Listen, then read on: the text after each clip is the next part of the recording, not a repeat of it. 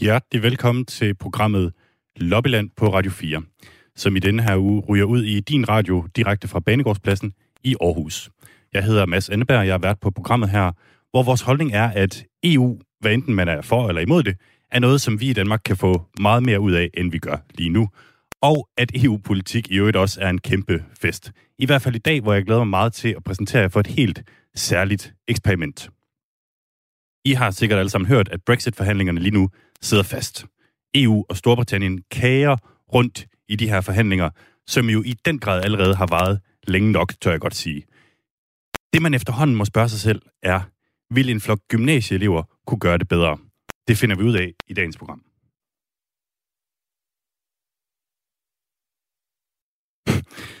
Jeg skal lige notere mig her, at der ikke er noget lyd. Det kan være, at vi lige kan prøve at sætte det på på en anden måde. Min rolle er øh, Emmanuel Macron, altså Frankrigs præsident. Hvad er det, I vil? Jamen, vores mål, det er ligesom at få en, en handel, som øh, kommer til at benefit øh, mest for EU. Ja, der er altså nogle gymnasieelever her, som har haft gang i et Brexit-rollespil, og som har en lidt større politisk indsigt, end jeg havde på det tidspunkt i mit liv. Vi vender straks tilbage til, hvordan de klarede Brexit-ærterne, og vi får gymnasieverdenens svar på Emmanuel Macron og Boris Johnson med her i studiet. Senere i programmet skal vi også finde ud af, om USA's kommende præsident Joe Biden vil med EU i biffen.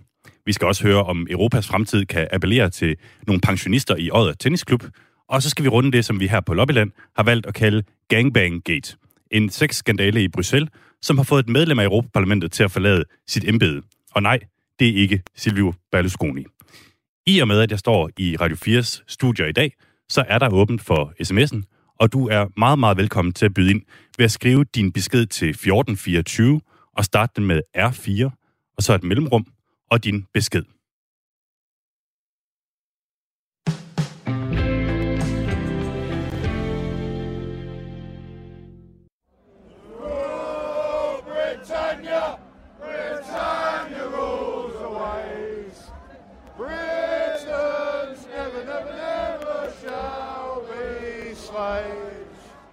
Ja, Britons never, never, ever shall be slaves.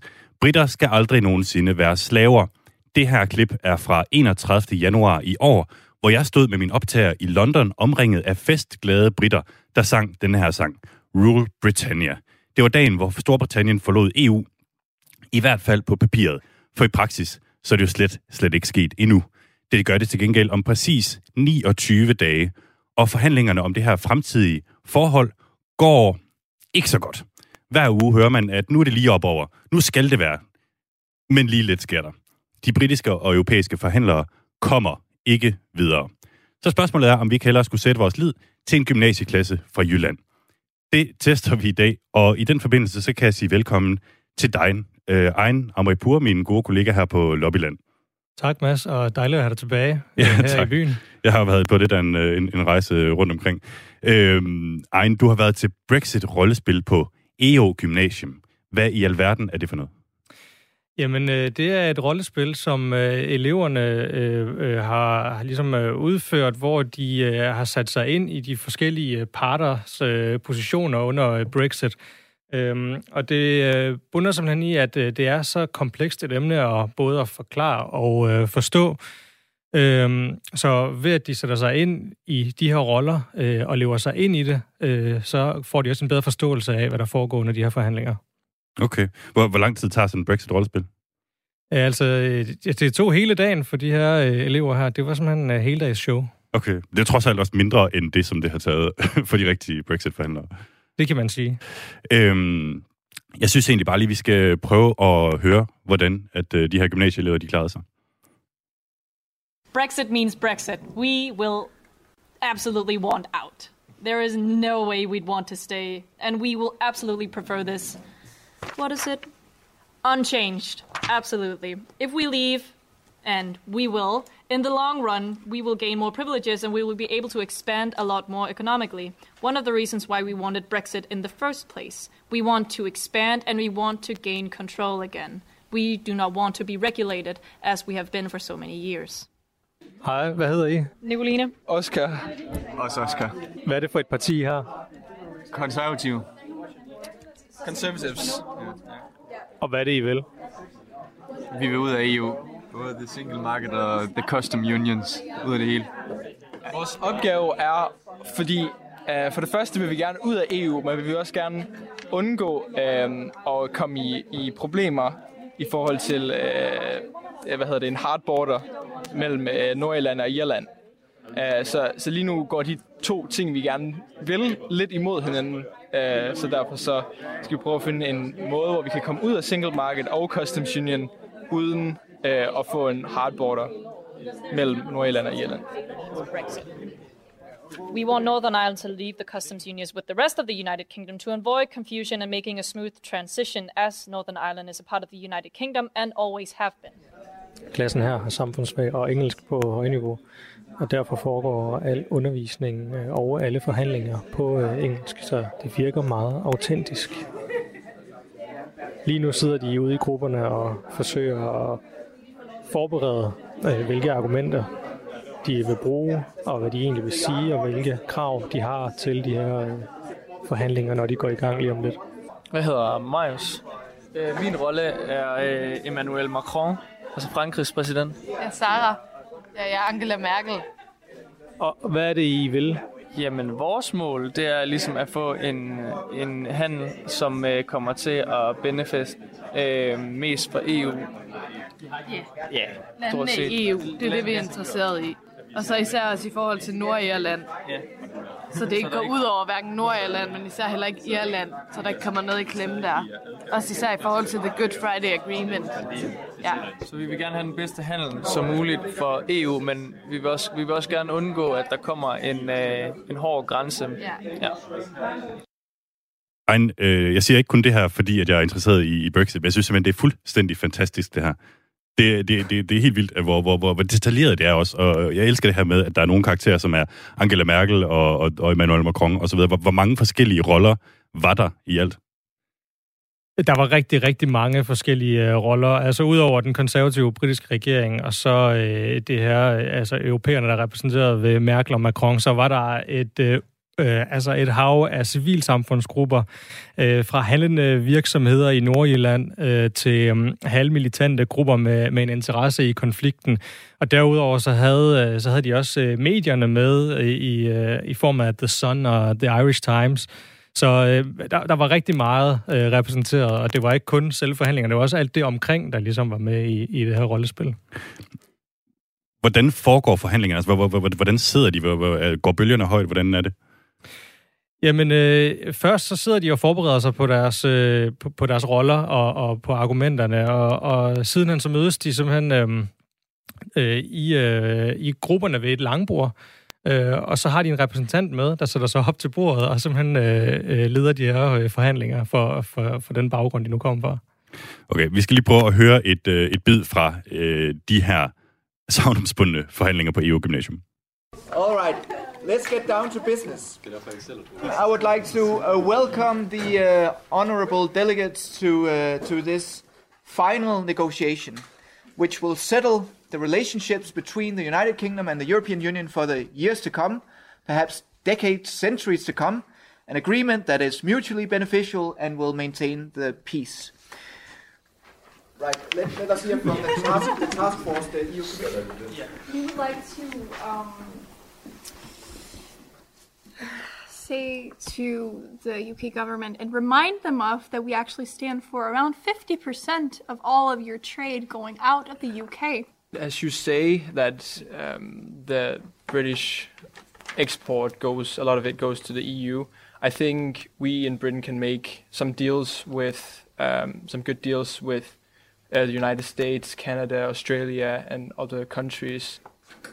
This is becoming a real horse deal. Like, yeah. we have to move on. Let's, uh, as a sign of goodwill, give them a round of applause.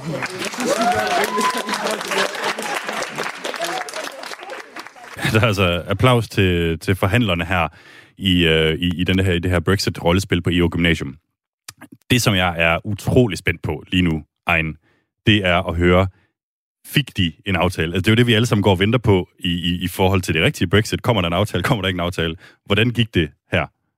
Jamen, Det tror jeg, at de selv var lige så øh, spændt på. Det var, det var nogle ret øh, komplicerede forhandlinger, øh, der, der bliver afbrudt af alt muligt, og der kommer alt muligt uventede ting undervejs, og, øh, og de oplever virkelig, hvordan øh, det kan gå i hårdknude. øhm, Okay, men du har faktisk et, øh, et, et tredje klip. Lad os lige prøve at høre, hvordan det gik. So uh, it is, uh, I'm afraid, a no deal. You will crash out of the single market on the 1st of January. You will face the consequences, uh, but maybe that will be exactly the, the motivation you need to get back to the negotiating table. Okay. det blev en no deal. Jukip, er I øh, glade for, hvordan forhandlingerne gik? Ja, fordi vi vil gerne have, at vi uh, crasher ud uden en deal. Og som det ser ud lige nu, så får vi ikke nogen deal. fordi at øh, de ikke kunne blive enige i parlamentet og unionen, så det er vi super glade for, at de ikke kunne. Nu gør eleverne sig klar i hver gruppe til at holde en øh, preskonference. Uh, very much um, happy with the agreements, because there were no agreements. Det blev simpelthen no deal. Øh, et, et trist resultat selvfølgelig for, for EU og Storbritannien, men stadig vil jeg bare sige, tusind gange mere effektivt, trods alt, end, end de rigtige forhandlere, som stadig sidder og forhandler. Og nu kan jeg faktisk byde velkommen til ingen ringere end Boris Johnson og Emmanuel Macron. Altså øh, to af de her gymnasieelever fra, fra EU. Øh, jeg er rigtig glad for, at I kunne komme. Velkommen til. Tak. Mange tak. Jeg tror, måske kom vi til at love, at I kunne få fri fra, fra, fra skole, hvis I kunne, øh, hvis I kunne være ja, ja, ingen fravær, tror jeg, det var. Ja, præcis. Det synes jeg er en rigtig god deal i øvrigt. Øh, vil I ikke lige præsentere jer selv med, med jeres sådan borgerlige navne? Øh, jo, øh, jeg hedder Majas Frederiksen, og jeg går ud på EU Gymnasiet. Jeg er 19 år gammel. Og det var dig, der var Emmanuel Jeg er Macron. Emmanuel Macron, ja. Uh, Hej, uh, jeg hedder Oscar Charles Nørgaard. Uh, jeg er 18 år gammel, og jeg går uh, også i 3. I på EU Gymnasium. Uh, og mit alter ego i, i mandags, det var Boris Johnson. Okay, og jeg skal altså bare lige høre en ting. Det, det endte med en no deal. Hvad var det, der gik galt? Jamen, der var en del ting, der gik galt. Altså, både forhandlingsmæssigt, det, det blev nærmest, øh, det endte over i, i, i en sådan nogle simple handel. Jamen, så kan du lige få de her ekstra procenter, og det var så svært at, at forhandle. Øhm, men det er jo klart, altså, hvis vi har kunne løse den her krise som tredje gear på et gymnasie, og politikerne ikke har kunnet, så havde jeg også lige begyndt at tvivle lidt på, hvad det er for en verden, vi ligesom lever i. Uh, jeg tror, problemet er, at, at uh, i virkeligheden så er det uh, lidt svært at, at lave en deal, hvor, uh, hvor den ene eller den anden, eller begge af, af parterne, uh, og der er jo så flere parter end det, Ja. ja. der er jo mange parter, uh, hvor at der ikke er nogen parter, der må gå rigtig meget på, på kompromis. Øh, og, og, og da vi sad her, øh, øh, så blev jeg nødt til at, at leve mig fuldstændig ind i rollen som, som Boris Johnson. Øh, og jeg havde hårde øh, forhandlere på den anden side med, øh, med, med EU-kommissionen. Så, så, så jeg kunne godt se, da øh, jeg havde en lille snak med, med min øh, rådgiver, øh, Dominic Cummings, og vi kunne godt se, at, at, at, at det her, det, det endte med at, at være en, en, deal, som, som ikke var god nok i forhold til de, de løfter, vi havde givet til, til den britiske befolkning, øh, og, og som jo det, var, vi var gået ind i regeringen på. Så, så derfor blev vi i slutningen nødt til, øh, nærmest ved, ved den aller sidste, øh, øh, hvad hedder det, øh, aftale, ja, vi, vi vi skulle blive skulle. enige om, der, der blev vi nødt til at sige no deal. Ja. Um, Okay, men så ved man da i det mindste også det. Uh, vi har fået en sms fra Inger, som skriver, kæmpestor ros til EU Gymnasium. Det er en fornøjelse at høre, hvor godt de taler engelsk, og hvor godt de mestrer sproget. Og det kan jeg jo kun tilslutte mig. Ja. Ja. Og øhm, tak. det kan være, jeg bare lige skal spørge jer, hvad, hvad har I fået ud af det her rollespil, det her med ligesom at sætte jer i jeres eget sted? Hvis vi starter med dig, Oscar, som spillede øh, Boris Johnson. Altså, nu ved jeg ikke, hvor enig du er med ham. Al- Altså, øh, noget af det, det, som jeg synes var allermest spændende, det, det var, at, at i virkeligheden så er jeg jo utrolig meget uenig med, med Boris Johnson. Uh, men, men det her med at, at, at ligesom virkelig får lov til at grave sig ind i, i en rolle og, og, og se, okay, øh, man kan jo ikke bare ligesom bakke ud, når man ligesom sidder i hans situation og, og hvad hedder det nu, øh, og, og ligesom har givet nogle løfter til, til den britiske befolkning, så kan man ikke øh, bare komme i sin egen mening. Øh, og, og det ved det her spil, der var rigtig godt, det var jo, at, at der var så mange forskellige syn på sagen. Øh, altså, øh, der var også nogen fra klassen, der, der var øh, nordiske bundemænd øh, og handelspartnere øh, osv., øh, og de fik et helt andet øh, syn på den her sag, men, men kom meget dybt i, hvordan det var at, at have den rolle. Ja, og hvad tænker du? Jamen, jeg var jo jamen, Macron, og jeg var, havde den her, var mere for EU, og vi skulle få den aftale, som uh, kunne uh, få størst betydning for EU, som vi kunne gavne mest af. Og det var uh, den rolle, ligesom at skulle sætte sig ind i sådan en øh, vigtig øh, politikers sted. Præsident for Frankrig, kæmpe stor indflydelse i hele EU, og så ligesom skulle stille sig op og diskutere med andre, selvom de også bare er rollevis, men altså det var svært, men man fik også ligesom fornemmelse af, der er ret meget pres på, at man får lavet nogle ordentlige forhandlinger her på. Det var en sindssygt spændende oplevelse. Ja, øhm, det lyder som om, I begge to er mest enige med, med dem over på EU-siden, altså Emmanuel Macron og, og, og dem, der ligesom repræsenterer os. Hvor, hvorfor egentlig det? Altså, øhm, øh, jeg er jo sådan personligt, min egen holdning er, at jeg synes, det, det er vigtigt at have et, et, et stærkt europæisk sam, øh, samarbejde, og jeg tror også, at det Boris Johnson øh, har øh, gået i regeringen på, at det er lidt et løfte om, okay, det kan godt være, at, at, øh, at de næste par år med, med GDP'en og så videre, det, det går ned ad bakke, øh, men så er det den her drøm om, øh, om måske i 2030, 2050, øh, og, og, og vende tilbage til, til øh, altså, ja, make Britain great again, øh, næsten. Øh, altså tilbage til den her øh, britiske storhedstid, hvor, hvor de ligesom har mulighed for at kunne lave nogle af deres egne øh, aftaler og være øh, uafhængige i mange af de ting, som ja, de har blevet bestemt af EU. Ja, hvis de så ikke gør det, og der kommer et, et crash til januar, så kan det jo også have kæmpe store økonomiske konsekvenser Øhm, og hvis de ikke bliver løst, så bliver man nødt til at gå på nogle kompromiser og komme ind i nogle aftaler igen. Ja. Okay. Det rigtige Brexit går ikke så godt. Hvad, hvad, hvad, hvad, hvad tænker I om den måde, øh, forhandlingerne går på, den måde, I ligesom ser det? Uh, jeg tror, at jeg har fået, fået større forståelse for, for, hvorfor at de her rigtige uh, uh, forhandlinger, de, de går så skidt. Ja, uh, det er ikke nemt, øh, når, når man, altså, nu snakker vi om, at uh, Theresa May jo øh, i virkeligheden gik ind øh, og, hvad hedder det, og hvad hedder det, blev valgt ind på, at hun gerne ville øh, både ud af single market øh, og ud af customs union, øh, Øh, men, men samtidig jo ville prøve at undgå den her øh, hårde grænse mellem Nordirland og Irland, hvilket jo øh, ikke rigtig var muligt. Øh, så, så, så når, når de valgte øh, hvad hedder det nu? Altså, det, jeg tror, øh, en stor del af britterne, de, de valgte øh, den her, øh, at vælge at gå ud af EU, det, det valgte de på, på baggrund af noget andet, end, end, end realiteten i virkeligheden var. Ja. Okay. Øhm, for mit eget vedkommende, så er det 11 år siden, at jeg gik ud af gymnasiet. Jeg har det som om, der måske er sket lidt øh, siden da, fordi jeg tror ikke, øh, altså vores politiske bevidsthed dengang var måske på størrelse med en, med en valgnød. øhm, og altså, mit spørgsmål er egentlig bare, er, er I sådan lidt et, et særtilfælde, I to og, og, og jeres klasse, som har lavet det her Brexit-rollespil, uh. eller får vi sådan en hel generation nu i Danmark af, af folk, der bare ved alt om Brexit?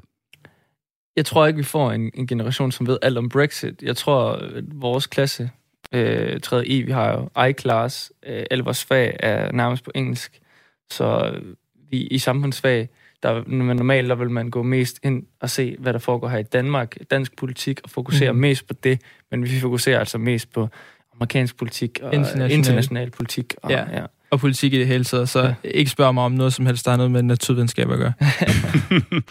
men i forhold til sådan en generation, det er jeg ikke så sikker på, men jeg tror, at, at folk de er ved at blive mere og mere politiske øh, sådan forstået på, hvad er det, vi går igennem lige nu, og ligesom følger mere med, men mm. det er også blevet nemmere med, med sociale medier og mm. information. Ja. Okay. Marius og Oscar, jeg vil gerne have, at I lige lever jer ind øh, i jeres roller igen, altså som henholdsvis Emmanuel Macron, den franske præsident, og Boris Johnson, den britiske premierminister. Hvis jeg nu starter med at, at, at spørge dig, Oscar, øh, hvad skal man sige, vil du gerne, at Storbritannien stadig er en del af det indre marked i EU? Altså, det, øh, hvad hedder det nu, jeg, jeg går jo rigtig meget op i, øh, at, at, at England, de kan få deres suverænitet, øh, at de kan, fordi øh, en af grundene til, at, at øh, der ligesom i forvejen øh, blev stemt for Brexit, det var jo, at, at England, de øh, Øh, var nogle af dem, som blev bestemt mest imod i, i EU. Øh, og, og derfor, så, som Boris Johnson, øh, så, øh, så går jeg rigtig meget op i Brexit means Brexit. Øh, og øh, altså, øh, derfor vil jeg gerne ud af, øh, af, af, af så mange ting som muligt. Jeg vil gerne øh, få forhandlet nogle nye aftaler. Øh, selvfølgelig både med EU øh, helst, øh, men øh, også med en del af de andre øh, stormagter. Øh, ja. Okay, altså Emmanuel Macron, det lyder lidt som sådan noget, øh, det, man kalder cherrypicking. Hvad, øh, hvad, hvad tænker du om det? Ja, men øh, her i øh, den europæiske union, der går vi jo meget ind for, at enten når man er med i EU, så har man nogle frynsegoder, så har man nogle ting, man kan være med til, og hvis man ikke er med i EU, så har man ting, man ikke kan være med til. Og man kan ikke forhandle sig, ligesom hvis England I, så, I forlader nu, så kan I ikke gå ud og sige, at, at det vil vi gerne have. Det kan komme på tale på, at I kan få adgang til nogle ting, som single market og sådan noget, ligesom i Norge, de kan øh, købe sig ind og betale ind til EU. Men det er meget in and out, fordi hvis man kan få nogle andre ting, øh, hvis man kan få de gode ting ved EU, uden at tage nogen af konsekvenserne, jamen hvad er formålet så være, med at være med i EU? Ja. Ja. Har I, øh, Monstro, et, øh, et godt råd til den rigtige Macron og den rigtige øh, Boris Johnson, nu hvor I har været igennem den her proces? Øh, jeg, jeg vil gerne have lov til at sige til, øh, hvad hedder det, Boris Johnson, at øh, our deal og no deal ikke nødvendigvis er den bedste strategi. Øh, jeg, jeg tror, at begge parter, øh, for at få de her aftaler løst, øh, bliver nødt til at gå på lidt kompromis. Øh, og øh, jeg tror, det går mest ud over, øh, hvad hedder det, øh, UK, hvis der ikke kommer nogen deal. Øh, og det tror jeg også, at, at befolkningen, især i, i Nordjylland, øh, er, er rigtig bange for, øh, hvad der kommer til at ske, øh, hvis der kommer, ikke kommer nogen øh, aftale. Øhm, ja, hvis jeg skulle give et råd, så tror jeg, jeg vil sige til Emmanuel Macron, at han skulle ligesom vente på, øh, at der kommer de bedste muligheder, og at hvis der bliver lavet sådan en aftale, jamen så have, være godsindet og lav aftaler i fremtiden, hvis ting går galt, om at så vi kan komme øh, på en vej over, hvor vi bliver mere forenet, end hvor vi bliver splittet. Ja. Det synes jeg er godt råd. Også fordi Emmanuel Macron kan jo nogle gange godt være lidt, uh, lidt firkantet, måske. Ja. Så det kan være, at han lige kan, du ved, tone, tone det lidt ned, ikke? Jo. Øhm, bare lige sådan her hen mod, mod, mod slutningen. Vi har, øh, vi har fået en sms fra en, som desværre har glemt at skrive sit navn, det må man jo i øvrigt gerne, som spørger, øh, hvorfor har I undervisning på engelsk? Der er snart ikke et land i EU, der taler engelsk. Hvor, hvorfor har I egentlig det? Uh, nu skal man jo huske, at Irland stadig er en del af den europæiske union, og det har de også, øh, hvad hedder det, øh, hvad hedder det nu virkelig, det er jo en vigtig ting for dem. Øh, øh, og nu må vi jo så se, hvad der sker med Nordirland, øh, om der kommer en form for deal, hvor at de både har nogle ting øh, fra, øh, altså ja, der er jo blevet foreslået, at de både kan være en del af det indre marked og øh, hvad hedder det, det UK's New Deal, men, øh, men nu vil vi se, hvad der sker. Øh, vi har øh, undervisning på engelsk, fordi vi går i en studieretning, der hedder iClass. Ja. Øhm, det minder meget om IB, men den er ikke sådan ligesom... Jeg tror, IB den er bundet til nogle sådan specifikke ting, som er skrevet. Jeg, jeg ved ikke, hvad nogen af tingene er. Specifikt pensum, men uh, vi har uh, vi har samfundsfag uh, og uh, historie og en uh, hvad hedder det, matematik og en del fag på, på engelsk. Uh, men ellers så er det bare ligesom almindelig samfengelsk. Det er ja. fordi, vi synes, det, det er spændende, og vi kan godt lide faget engelsk. Det giver også muligheder til, hvis man vil læse i udlandet og sådan noget. Øhm, for eksempel, hvis du gerne vil til USA og gå på universitet, eller i England, mm. eller alle andre steder. Gerne det? Okay. Der er mange muligheder i fremtiden. Det ja. Øh, der er, øh, jeg ved, der er for eksempel en fra vores klasse, som har en, en stor drøm om at komme til at arbejde i Bruxelles, øh, i ja. EU på en eller anden måde. Mm. Øh, og, og det er en god mulighed at have en hel masse om international politik og engelsk, det engelske sprog. Ja. Marius Frederiksen, a.k.a. Øh, Emmanuel Macron, Oscar Child Nørgaard, a.k.a. Boris Johnson. Tusind, tusind tak, fordi I gad at være med her. Tak fordi du måtte komme.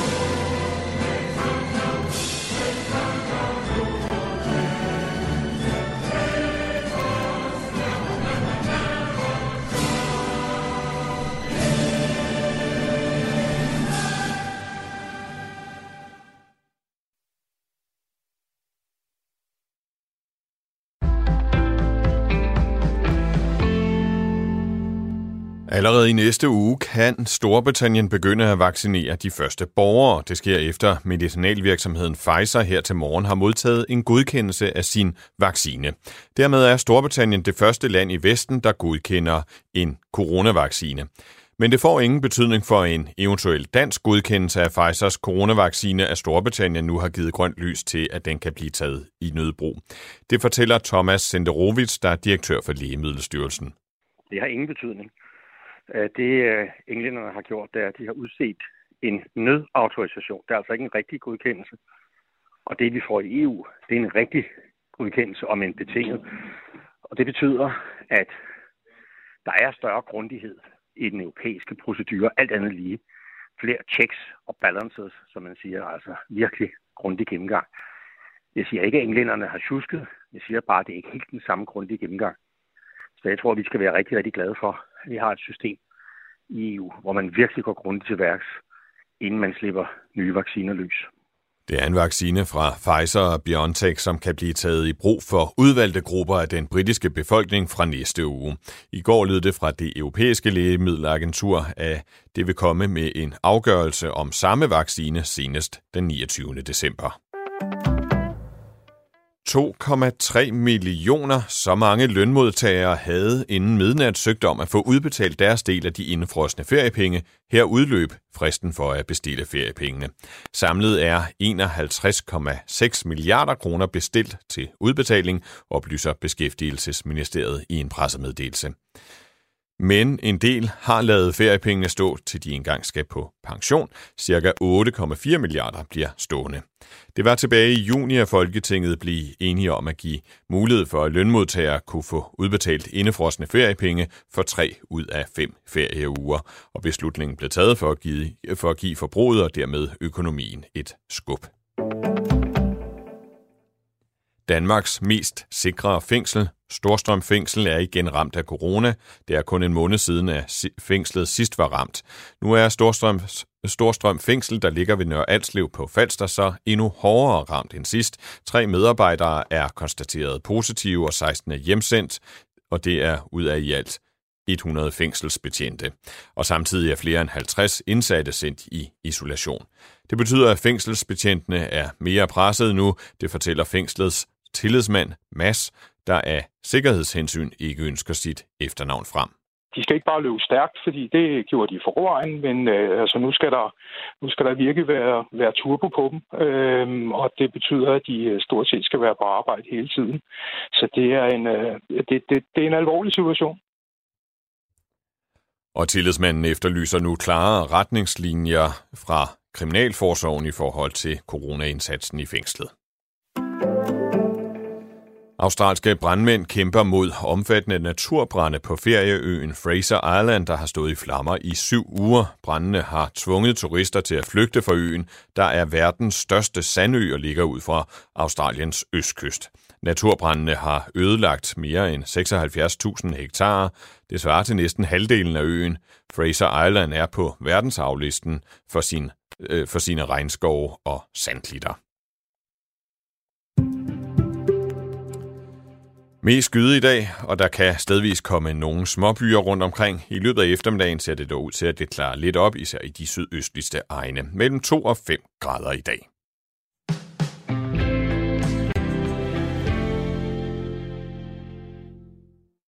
Klokken er 10.34, og du lytter til Lobbyland på Radio 4, hvor vi stadig, øh, blandt andet i det her program, har til gode at høre om et EU-gruppeknald, og i øvrigt også noget om Europas fremtid. Men nu skal vi først lige kigge lidt ud over vores europæiske næsetip. Ganske apropos, så har vi fået en uh, sms fra Tommy Ligård, som spørger, hvilket skrækscenarie er størst? Handelskrig med USA eller Trump, eller et hårdt Brexit? Og det er jo faktisk et, et glimrende spørgsmål, som jeg nærmest ikke engang tør svare på. Begge dele er øh, nok rimelig meget nogle, nogle øh, skrækscenarier, som man meget, meget gerne vil, vil undgå. Men nu sker der jo faktisk det over i USA, at, øh, at de er ved at være på vej øh, over mod det, der hedder en øh, Joe Biden-præsident, øh, som blev, blev valgt til valget den, den 3. november. And I'm proud to be an American, where at least I know I'm free. Det er nok ikke gået nogens næse forbi, at amerikanerne har valgt en ny præsident. Jeg var over at dække valget. Jeg var der i 3,5 uge, hvor jeg talte med en masse amerikanere og kørte mere end 4.000 km i en sølvfarvet Chevy Malibu. Og lige i går, der tikkede der en dejlig lille souvenir ind i form af en fartbøde. Der sker det, at jeg kommer kørende fra Pittsburgh i Pennsylvania sent om natten til Washington D.C., altså på øh, selve natten før valgdagen. Og jeg har en lille smule travlt med at komme til Washington, så jeg kan komme i seng og være klar til den store dag. Så travlt måske, at jeg lige kommer til at køre 35 mil i timen i en 20 mil i timen zone, og der bliver kvitteret med et lille blitz. Men det er altså ikke kun mig selv, der mærker efterdønningerne efter det amerikanske valg her en måned efter. For USA's eget vedkommende har de jo været igennem en polariserende proces, hvor Donald Trump og en del af hans følgere ikke har ville acceptere valgresultatet. Og også her i EU kan vi jo mærke efterdønningerne efter det her valg. Men hvordan egentlig? Med her i studiet har jeg nu den helt optimale person til at svare på det spørgsmål, nemlig dig, Derek Beach. Velkommen. Jo, tak. Vil du ikke lige præsentere dig selv? Jo, jeg er professor i statskundskab ved Aarhus Universitet og forsker blandt andet i EU-integration, og så har jeg selv amerikaner og, og ved også en del om amerikanske valg. Du er nemlig, øh, hvad skal man sige, selv amerikaner. Jeg ved, man, man kan måske spore ja. det på din sådan lidt uh, Chris oh. McDonald-agtige uh, accent. Hvornår kom du egentlig til Danmark? Ja, helt, helt oprindeligt. Altså, det er faktisk tilbage i 88 som udviklingsstuderende i gymnasiet. Så det, det er på år siden. Ja, det må man sige. Det er før jeg blev født, kan jeg afsløre. Ja. Øhm, har du stemt til, til valget? Ja, det har jeg. Okay. Og øh, er du godt tilfreds med resultatet? Øh, det er nok en privat sag, ja. må jeg jo gerne sige. Det må du meget gerne sige. Ja. Øhm, hvis vi lige skal gå til stålet her, altså de europæiske ledere var hurtigt ude og ønske Joe Biden til lykke med sejren. Man kan næsten, synes jeg, spore sådan en barndommelig begejstring i den måde, de nu lægger planer for, hvad EU og USA sammen skal udrette i fremtiden. Og Joe Biden er allerede blevet inviteret til to møder med EU-lederne i første halvdel af næste år, altså et virtuelt og et fysisk møde. Derek Beach, hvis du prøver at sætte dig i EU-ledernes sted, altså Mette Frederiksen og alle de andre øh, regeringschefer, hvad tænker de så lige nu om forholdet til USA? Jamen, jeg, tr- jeg tror, de egentlig tænker sådan, bruger måske en metafor. Det er ligesom en god vand, der har været øh, skabt sig helt vildt og bare ikke været sig selv. Og nu er de tilbage. Og nu glæder man sig til at gå i biffen sammen og gå ud og spise eller, og hygge sig. Og det er bund og grund det, som, som den måde, at, at europæerne og, og amerikanerne har haft det siden slutningen af 2. verdenskrig. Altså en meget, meget tæt alliance. Nogle gange så tæt, at jamen, så kan vi godt tillade os at være udvenner, men, men i sådan med den der dybe Øh, bundklang af, af venskabet. Og så på den måde, sådan, det, det var ikke et USA, mange europæere, også statslederne, kendte. De troede, at de, de, kunne ikke stole på Trump, og derfor så er det ligesom, den gode ven er tilbage. Og jeg tror, der er mange, der tænker, jamen, det bliver måske aldrig helt, som det var før, men i hvert fald, det kan blive næsten lige så godt. Ja, og, og som jeg var inde på, så sidder, øh, så sidder man i EU lige nu og brygger på sådan en, en fempunktsplan, som blandt andet involverer, hvor, hvor, hvor fedt det her det bliver på, på klimaområdet, fordi nu kommer USA tilbage til Paris-aftalen, og hvordan multilateralismen skal genopstå, altså den her, øh, det her samarbejde i, i, i hvert fald den, den vestlige halvdel af verden. Alle de her planer, som EU går og brygger på, øh, og, og forhåbninger, de har, er, er den kærlighed gengældt fra USA's og Joe Bidens side? Til dels. Øh, altså, jo, altså, det er der forstået på den måde, at jamen, hvad har USA en alternativ? Altså, hvem er det, de kan gå ud og for eksempel arbejde for alvor med, med klimaspørgsmålet, som er faktisk endnu mere progressiv end dem selv? Så Joe Biden vil gerne med i biffen, så at sige? Ja, det tror jeg. Altså, det har han i hvert fald ikke lagt, lagt skjult på. Uh, og jeg tror, uh, altså, vi kommer til at opleve uh, formentlig noget af det første, når han skal på udlandsrejse. Det bliver for eksempel at tage en tur til Tyskland. Nu er der de her, hvad skal man sige, mange områder, som, hvor, hvor, hvor samarbejdet nok kommer til at blive lidt tættere. Altså øh, håndteringen af corona. Øh, Donald Trump vil jo trække sig ud af WHO, Verdenssundhedsorganisationen. Øh, han nåede lige at trække sig ud af Paris klimaaftalen. Hvilket område er det vigtigste set med EU-øjne i den her nye proces, det her nye forhold? Ja, på, på kort sigt, så er det både det sundhedsmæssige, altså simpelthen hjælpe hinanden med at få den her, altså det kæmpe opgave at få vaccinen ud, og få den ud både i Europa, USA, men også i resten af verden. Det bliver en kæmpe opgave, hvor, hvor man skal prøve at arbejde sammen. Øh, det bliver det, det er helt kortsigtet. Og så er det økonomi. Altså en samordning af, af økonomiske politik og så som man trækker i fælles front, øh, forsøger at afhjælpe noget af de, det er altså det økonomiske krise, der opstod i kølvandet på, på corona. Så det er i hvert fald den sådan helt kortsigte. Men det er også klart, at den her meget ambitiøse modsætning omkring klima, som virkelig kommer til at fylde øh, dagsordenen. Kommissionen har en helt sådan øh, øh, kæmpe øh, hvad hedder det, pakke med, med, med forskellige klimatiltag, der er på vej og har været lige fremlagt. Jeg vil sige, det er ikke nok, at EU alene gør det. Vi er nødt til at have resten af verden, hvor er for eksempel USA, som bruger lidt for meget energi, de skal i hvert fald være med i, i kampen. Så, så jeg tror det i hvert fald, det bliver de to områder, som man virkelig, fordi at særligt hvis vi snakker at det allerhøjeste niveau, altså der har man som regel båndbredde til en eller to emner, som man, som man bruger den der allerøverste niveau til. Og det skal man så vælge hårdt at prioritere. Så tror jeg, det bliver corona, sundhed, økonomi der, og så klimaspørgsmålet. Okay. Øhm, der har været lidt en finurlig, et finurligt efterspil på, på valget, hvor Donald Trump og også mange af hans støtter ikke har anerkendt valgnederlaget. Man har ikke hørt så mange reaktioner på det fra EU's side. Hvorfor ikke? Jamen, det er meget klogt. Altså, det skal man simpelthen afholde sig fra, at, at blande sig i andre folks interne anlæggende. Altså, man, man har erkendt, at, at det er Biden som, som præsident, og nu er det sådan temmelig officielt. Så, så de, man har lyk, lykkeønsket, men, men man har ikke været ude og, og over for den siddende præsident, og særligt når vi har med, med Donald Trump. Øh, gav ved, hvilken slags øh, strafthold han kunne lige i sidste øjeblik øh, lægge i vejen. Ikke? Øh, så, så ja, det er ingen grund til at provokere ham, så bare lad det øh, lad ham sumule der, og så på et tidspunkt, så bliver han anden frivillig eller ufrivillig, går fra det hvide hus, og så er problemet løst. Dirk Beach, tusind tak, fordi du gad være med. Ja, selv tak.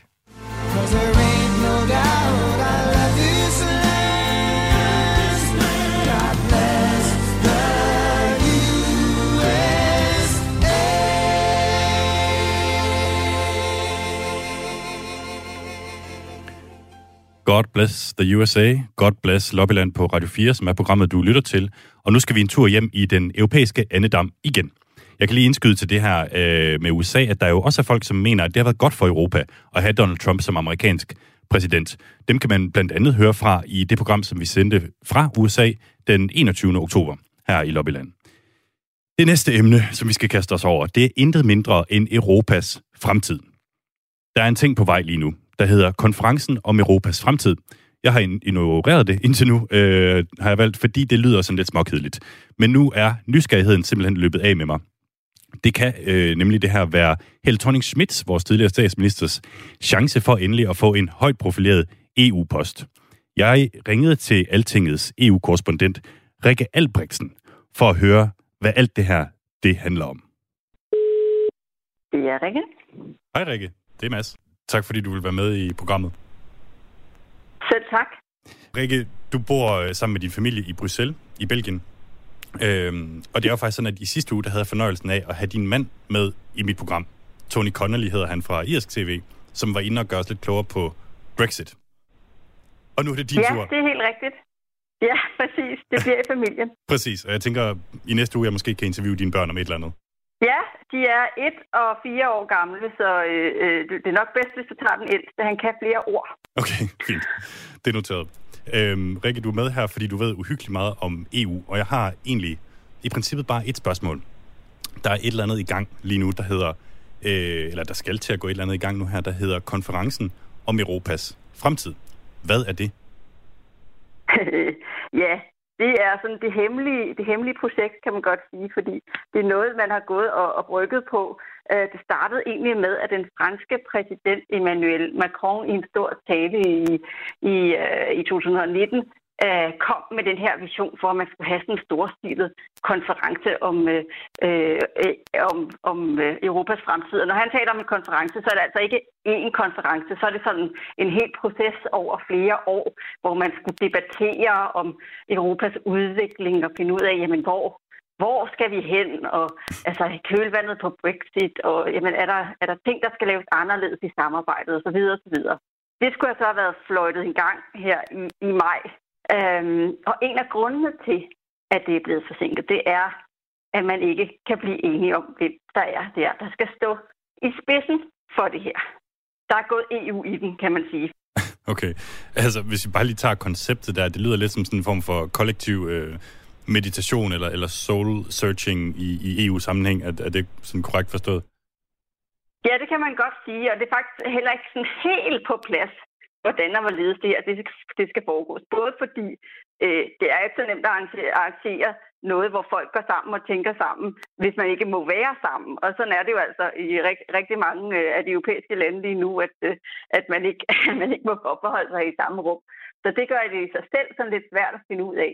Og så er det også noget med, jamen skal det være lidt af sådan nogle borgerpaneler, hvor man inviterer sådan et bredt udsnit øh, af befolkningen til at snakke sammen. Og hvordan får man engageret alle? Det skal meget gerne være sådan en, du ved, fra græsrodsniveauet og opad tilgængeligt for alle. Det, det lyder også lidt som et meget øh, pro-europæisk projekt. Altså, jeg, jeg kan ikke lade mig at tænke på, hvad nu hvis man holder sådan nogle høringer, og så kommer herre fru Jensen ind og siger, nej, men vi vil jo ikke gerne have mindre øh, EU-samarbejde. Kan de efterkomme det? Ja, det ved jeg heller ikke, men det, øh, det vil da være et, et frisk pust, kan man sige. um, og så vil det da give uh, Emmanuel Macron noget at tænke over nu, og det er ham, der har sat hele det her tænkearbejde i gang. Ikke? Er det vigtigt, ja eller nej? Ja, det er også et godt spørgsmål. Det er der rigtig mange af landene, der i hvert fald ikke synes overhovedet. De synes måske, vi skal koncentrere os om noget, noget andet. Og altså, der er mange, der har været sådan lidt, er der, er der egentlig nogen, der efterlyser, at vi ombygger EU sådan lige nu? Det er der altså ikke sådan. Altså, en kæmpe stor enighed om, må man nok sige. Og så skal man jo, som du siger, have fundet den her frontfigur. Og det er noget med, at Frankrig og Tyskland synes, at det helt optimale vil være, hvis vores tidligere statsminister Helle thorning Schmidt kunne komme til at lede den her proces.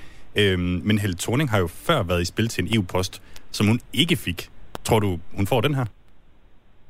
Jeg ved det ikke, for at være helt ærlig. Problemet er også så snart, at, øh, at, at navne begynder at slippe ud i sådan en kontekst, så, øh, så har man allerede nærmest forbandet den person, sådan at de ikke får jobbet. Sådan plejer det faktisk tit at være. Sådan var det faktisk også for hende sidst.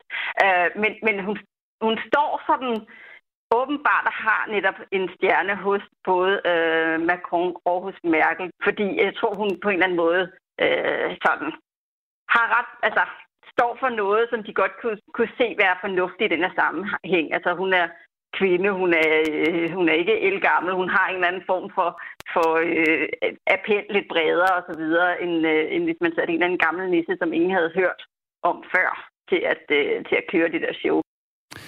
Ja, det sagde altså Rikke Albrechtsen, som er EU-korrespondent for Altinget. Det her med konferencen om Europas fremtid, det er ikke noget, der indtil videre har fået danskerne helt ud på stolekanten.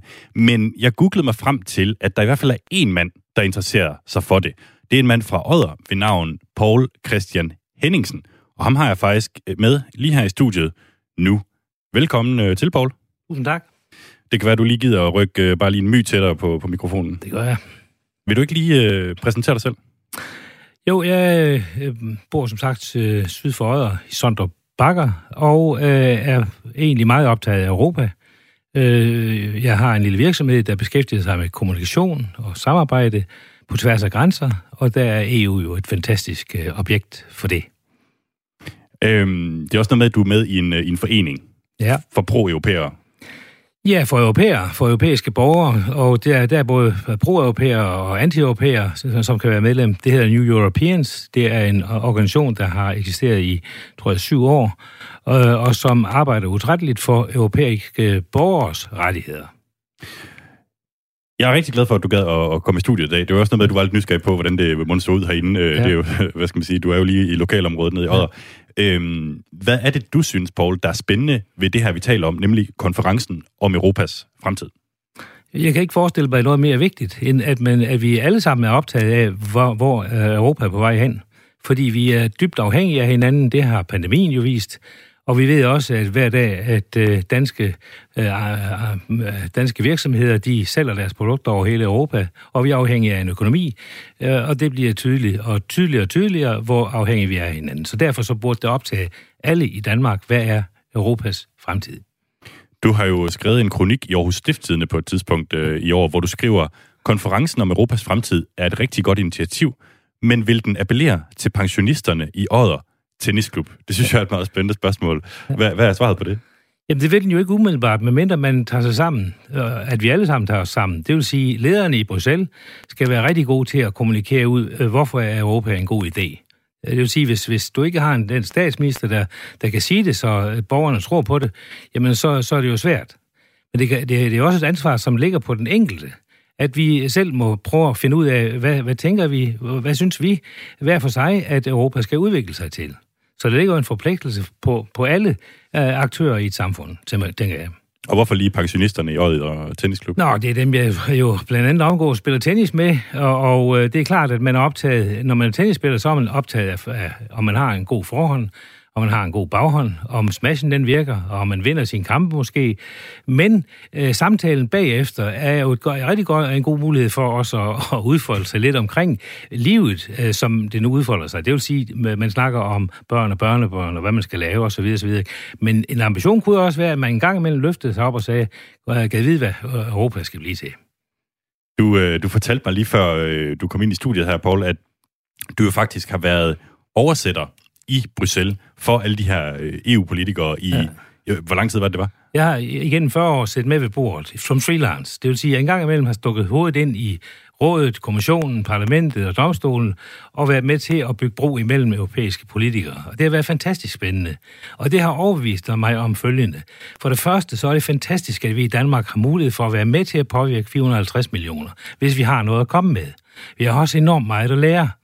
Og jeg har også set, at det er vigtigt at være med ved bordet og kunne trykke på en knap, og ikke sidde bag ved bordet og skrive af, hvad, hvad øh, EU nu, eller Europa nu bestemmer sig for. Det er det, Norge gør, og det er det, England nu kommer til at gøre. Og god fornøjelse med det, England. øhm, det må, det må være ret spændende at være med i de her, øh, hvad skal man sige, indre forhandlinger, og, og være den, der skal oversætte det fra, fra, fra det ene til det andet. Øh, hvad, hvad er det mest spændende, du har været med til? Hvad, hvad er sådan, har du en eller anden røverhistorie dernede fra? Jeg har masser af røverhistorier. Jeg kan huske, at betydningen af sprog øh, blev klar for mig at i starten, da Paul Dalsgaard, som var dansk kommissær, landbrugskommissær for mange år siden, øh, du, du er nok for ung til at, at have oplevet ham, men han kunne ikke, han kunne ingen fremmedsprog, så han gik altid rundt på, på gangene med en ved siden af sig for at oversætte det. Og det var, det var jo en enorm begrænsning for ham personligt. Det, det drejer sig om i Europa, det er jo, at der sker noget i mødesalene, men det er, ved kaffe, øh, det er ude ved kaffen, at Europa bliver skabt. Det er et gigantisk netværks øh, operation, og det gælder om at være med i, i, i netværkene. Når man kommer til oversættelse, så er det det der med, at det er interessant. En lille historie. Hvis man skal oversætte fra tysk, så har tyskerne, de har enormt lange sætninger. Det er i sig selv en udfordring. Og så putter de altid nægtelsen til sidst, så man ved aldrig, om en tysk politiker mener det, han siger, at han ikke mener det. Så der bliver man nødt til som tolk at gætte sig frem til det. Det er først til sidst, at det står klart. Lige nøjagtigt. Om, om det er og hvis man så gætter forkert, så bliver man nødt til at sige punktum. Taleren mente ikke det, han sagde. Okay. Øhm, jeg vil bare lige høre dig her til sidst, øh, Paul øh, Christian Henningsen. Du er, du er ret pro-europæisk. Altså, øh, jeg tror i virkeligheden, i, i store dele af den danske befolkning, der kan vi sagtens se fidusen i det der med, at vi handler ja. med hinanden ja. i, i EU.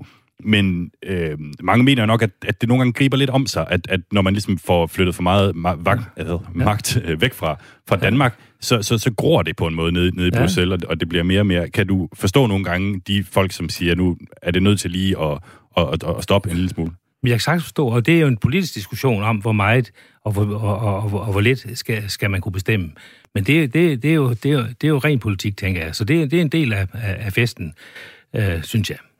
Og kan du forstå dem, der, der tænker, at vi måske endda burde øh, melde os ud? Nej, det, det fatter jeg simpelthen ikke. Det er ubegribeligt. Bare lige øh, aller, aller sidst, Paul. Det er fordi, øh, du fortalte mig også, at du faktisk sendte nogle, nogle forslag til os her på Radio 4. I, øh, vi har jo sendt i et år nu, øh, helt i starten, men at du ja. hørte aldrig rigtig noget fra det. Nej. Og jeg kan ikke lige redegøre umiddelbart for, hvad der er sket med, med, med de forslag, du sendte ind. Men kan du ikke lige præsentere jo, ga, ga, ganske kort, så tænker jeg, når der kommer en ny radiostation, så må den være interesseret i at høre, hvor er de gode historier. Og så er man jo afhængig af borgere, der kommer med de gode historier, og så skal man selvfølgelig være god til at lytte til, øh, øh, hvad de siger, tænker jeg. Men det gælder også EU-politikere, de skal være gode til at lytte til borgerne. Så, så men I er sikkert blevet meget bedre nu, og jeg har tons, tonsvis af historier, som vi kan have glæde af. Dem kan vi tage en anden gang. uh, tusind tak, Paul Christian Henningsen, som altså er ja, uh, selvstændig kommunikationsrådgiver og med i den her forening, der hedder New Europeans, og fra Odder, hvordan siger man det? Odder, Odder Genser? Ja, det er klar, Odderbo. Odderbo. Tusind tak, fordi du vil være med. Og nu skal vi øh, i det her program over i en lidt anden afdeling.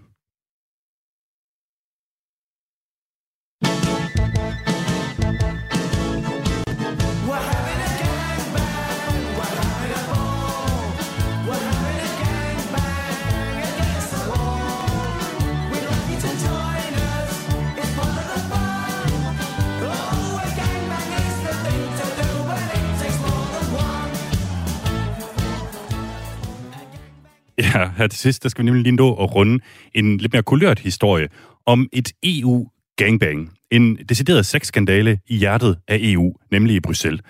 Jeg kan egentlig bare lige starte med at sige, at øh, det her det kommer frem i går. Min, øh, min, min kæreste, som er journalist i Bruxelles, og ikke har noget med det her at gøre i, i øvrigt, skriver til mig, har du set det med sexfesten i Bruxelles, hvor der var et medlem af Europaparlamentet til stede? Og det har jeg altså ikke på det tidspunkt, men til gengæld var det lige før øh, mit interview med Rikke Albrechtsen fra Altinget, som, som jeg talte med i forbindelse med det, vi talte om lige før. Øh, så jeg nåede faktisk også lige at spørge hende, hvad var det her nu for noget med den her EU-6-skandale? Rikke, må jeg lige høre dig her til sidst? Øh, det- Jeg fik lige en sms fra min kæreste, som spurgte, har du hørt om den sexskandale, der involverer en medber? Hvad, hvad, hvad er det for noget? Ja, det er, øhm, det handler om øhm, det, øh, at- der har været åbenbart mellem øh, natten mellem fredag og lørdag i sidste uge øhm, en øh, lille politiaktion, øhm, fordi der var 25 mennesker samlet i en lejlighed uden særlig meget tøj på. Øh, og her af til det her, øh, som jo så er blevet døbt Gangbang Gate, øh, eller på, på flank, sexfesten, øh, der, øh, øh, der var der så en map og flere diplomater. Og de fleste af dem var mænd. Okay. Gangbang Gate. Ja, og jeg ved, at alle er i gang med at lede efter, hvem det egentlig er. Um, og så er der nogen, der begynder at spekulere i, kunne jeg se, lige før jeg snakkede med dig, at det måske, der er en, der er en ungarsk fyr, der lige har trukket sig fra Fidesz, om det måske var ham. og det var derfor, han havde trukket sig. Men jeg ved det ikke. Det er ren spekulation. Fordi, jeg skulle lige til at sige, jeg var jo jeg var på den der politireportage i, øh, i, i, i, i sidste uge. Jeg ville have elsket, hvis det lige havde været, havde været der, vi havde været henne, ikke? Jo, det havde været bedre. Det, mm. det kan jeg godt se. Det havde været... Øh... Også fordi ham der med dem åbenbart for- forsøgte at flygte ud gennem en eller anden tag. Øh, et eller andet. Ej, øh, luge eller noget. Okay, jamen altså, øh, du skal som sagt have, have mange tak. Ja, det er helt i orden. Og øh, hvis du har andre sexskandaler, du vil snakke om i radioen, så siger du bare til. Det var altså Altingets Rikke Albrechtsen, der fra Bruxelles gjorde os lidt klogere på den her episode. Altså 25 afklædte mennesker i et stort gruppeknald, øh, som de kalder det i de fransksprogede øh, medier, en omgang benene i vejret. Chambre en l'air. Og blandt de her deltagere var altså et medlem af Europaparlamentet. Hvem siger, at EU ikke er spændende? Jeg skal skynde mig at understrege, at det er jo ikke ulovligt som sådan at have et gangbang i Belgien, men det er ulovligt lige nu at samles mere end fire personer, uanset om du er påklædt eller ej. Og det skyldes de her strenge coronaregler i landet. Og man kan sige, som jeg også lige fik nævnt over for Rikke Albrechtsen, så var jeg jo med på sådan en patrulje med politiet i Bruxelles mandag i sidste uge, hvor vi rent faktisk fandt frem til en af de her illegale fester. Desværre bare ikke en helt så spændende fest, som den vi taler om her. Manden, som Rikke Albrechtsen nævner, den ungarske europaparlamentariker Josef Sejer, han erkendte i går, at det var ham, der havde været med til festen. Og anklagemyndigheden i Bruxelles, øh, i Bruxelles beskriver sådan ret meget i levende detaljer, hvordan han åbenbart, da politiet kommer, flygter ud gennem vinduet, formår at komme hele vejen ned fra, fra første sal, øh, altså uden på bygningen, og så er det først bagefter, at politiet simpelthen finder ham. Og Josef Sejer her, han har meddelt, at øh, han træder tilbage fra nytår øh, på grund af det her. Der blev jo også fundet en lille smule ecstasy øh, i hans taske.